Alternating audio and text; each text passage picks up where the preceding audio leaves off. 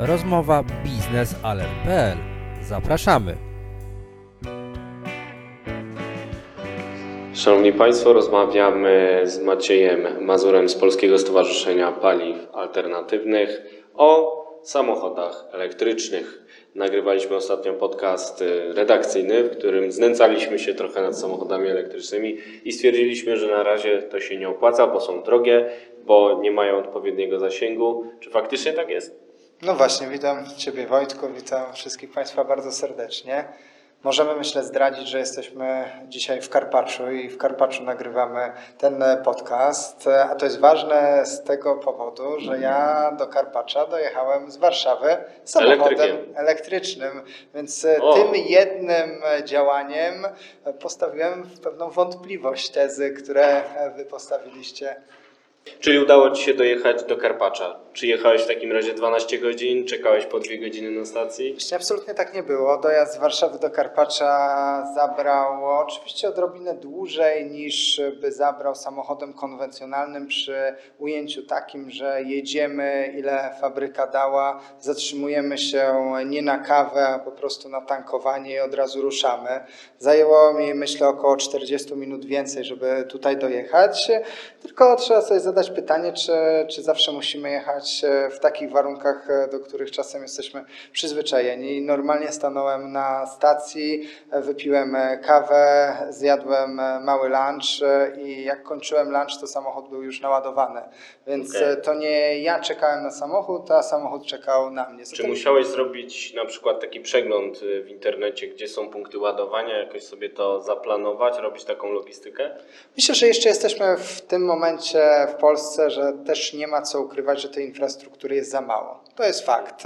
Więc byłbym tutaj niepoprawnym optymistą, gdybym powiedział, że absolutnie z zamkniętymi oczami w każde miejsce w Polsce można pojechać i w każdym powiecie będzie stacja. Nie, jeszcze nie jesteśmy na tym poziomie, do tego poziomu musimy dążyć, ale w porównaniu do tego, co było dwa czy trzy lata temu, to jest zupełnie inny świat. Tych ładowarek jest dużo więcej i pojawia się coraz więcej ładowarek o wyższych mocach.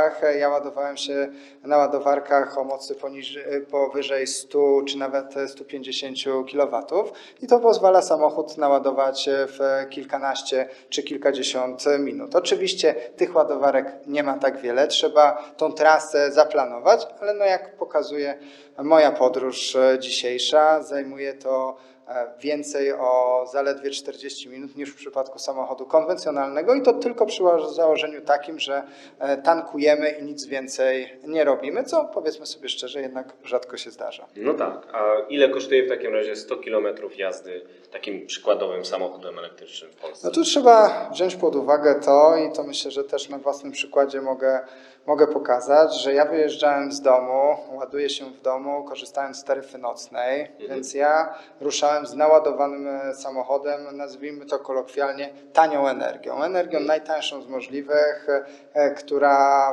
jest wynikową tego, że, że mam w domu e, taryfę tak zwaną nocną. I oczywiście w trakcie jazdy e, naładowałem samochód korzystając z ładowarki szybkiej i te ceny ładowania są oczywiście zupełnie inne w sytuacji, w sytuacji takiej infrastruktury. Jednak gdy my to wszystko sumujemy, to okazuje się, że moja średnia to jest e, około 9 zł na 100 km, licząc To zarówno ładowanie w domu, jak i na ładowarkach ogólnodostępnych. Zatem to jest konkurencyjnie, to mało powiedziane, wobec e, pojazdów konwencjonalnych. Zatem to jest tańszy środek e, transportu, e, tańszy jeśli chodzi o e, jego eksploatację i to jest fakt. E, Oczywiście przeciwnicy powiedzą, jak nie ma się gdzie ładować, e, to jesteśmy skazani na ładowarki ogólnodostępne i biorąc e, założenie takie, że będziemy się tylko na stacjach DC ładować, to te koszty będą dużo wyższe, ale to są naprawdę bardzo rzadkie sytuacje. Zazwyczaj, gdy jednak e, e, kupujemy samochód e, elektryczny, to my mamy przynajmniej tą możliwość ładowania w miejscu zamieszkania lub miejscu pracy.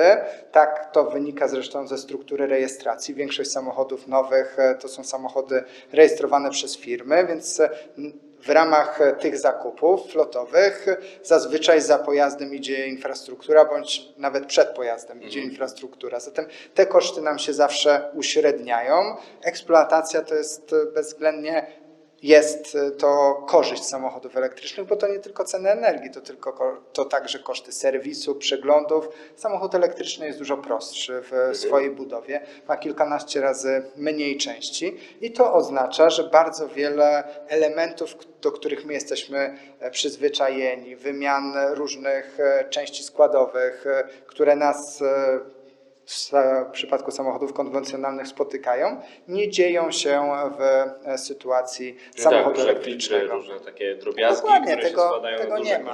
Tak jest, tego, tego nie ma. Z naszych analiz y, i te analizy są oczywiście oparte o praktykę rynkową. Wynika, że te oszczędności mogą wynieść e, kilka tysięcy złotych w perspektywie użytkowania pojazdu elektrycznego. Gdy do tego dodamy e, koszty niższe związane z eksploatacją, gdy do tego dodamy koszty związane choćby z tym, że nie płacimy za parkowanie w miastach. E, My też często o tym zapominamy, ale tu znowu nasz e, własny przykład e, myślę, że jest e, warty, by, by go pokazać.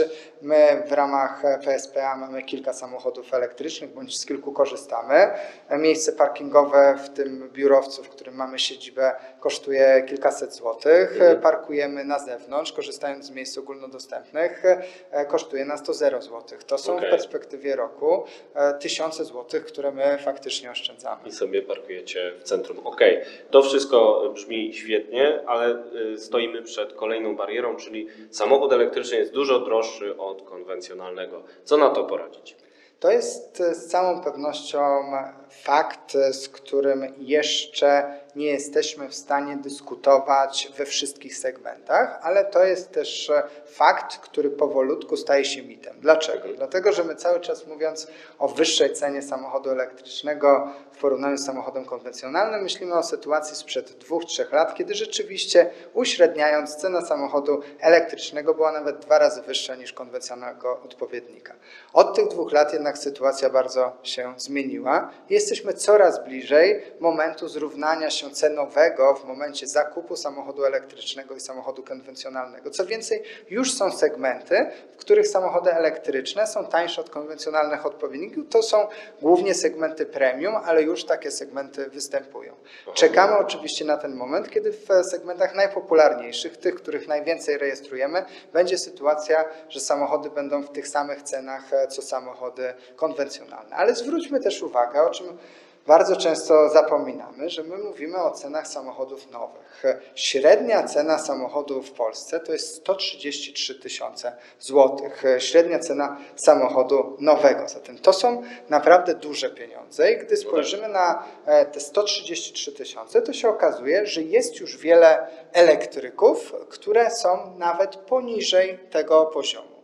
E, Sytuację poprawia, czy będzie poprawiać także to, że wreszcie po kilku latach starań, mam nadzieję, że zostaną wdrożone i będą funkcjonować efektywnie dopłaty do samochodów elektrycznych w wysokości maksymalnie 27 tysięcy. Obecnie ta dopłata funkcjonuje dla e, osób z kartą dużej rodziny, ale już e, za moment zostanie także uruchomiony cały proces e, dopłat dla przedsiębiorców, e, którzy będą mogli korzystać z leasingu i przy założeniu, że będą podróżować więcej niż 15 tysięcy kilometrów rocznie, to zadeklarują, będą mogli liczyć na dopłaty również w wysokości 27 tysięcy. 27 tysięcy od ceny wyjściowej samochodu to jest e, już e, naprawdę dużo. Tak, jeśli kosztowałoby 100 tysięcy, no to już prawie 1 trzecia.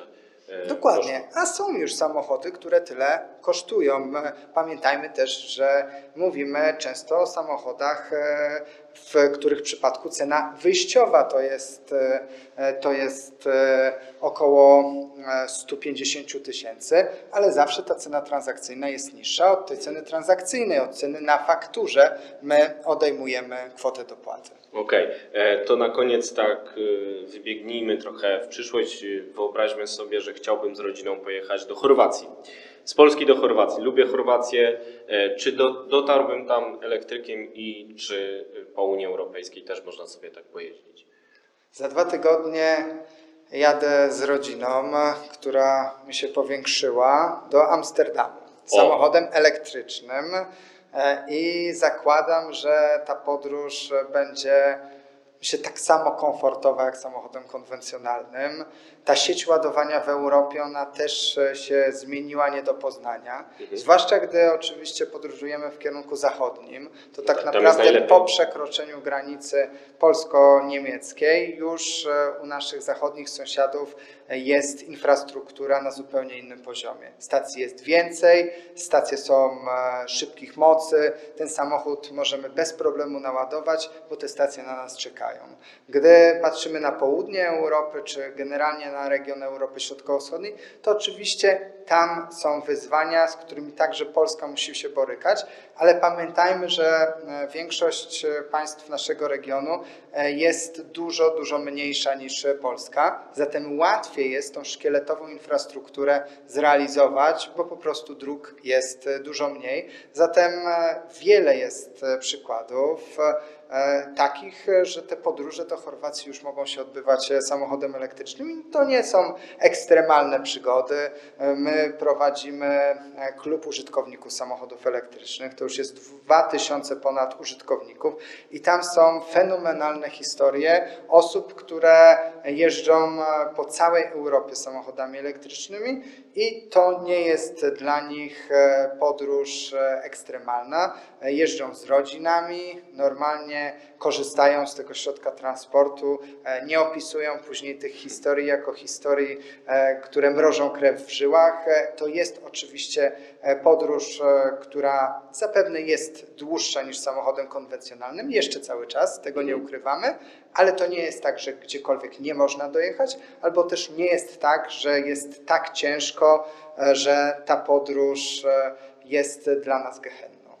A zatem e, nie pozostaje mi nic innego jak pogratulować powiększenia rodziny, życzyć udanych e, wakacji, a Państwa e, zapraszam do dyskusji na ten temat. Czy warto kupować samochód elektryczny? Dzisiaj garść naprawdę solidnych argumentów dał nam Maciej Mazur z PSPA. Dziękuję bardzo. Dzięki serdeczne. Do usłyszenia.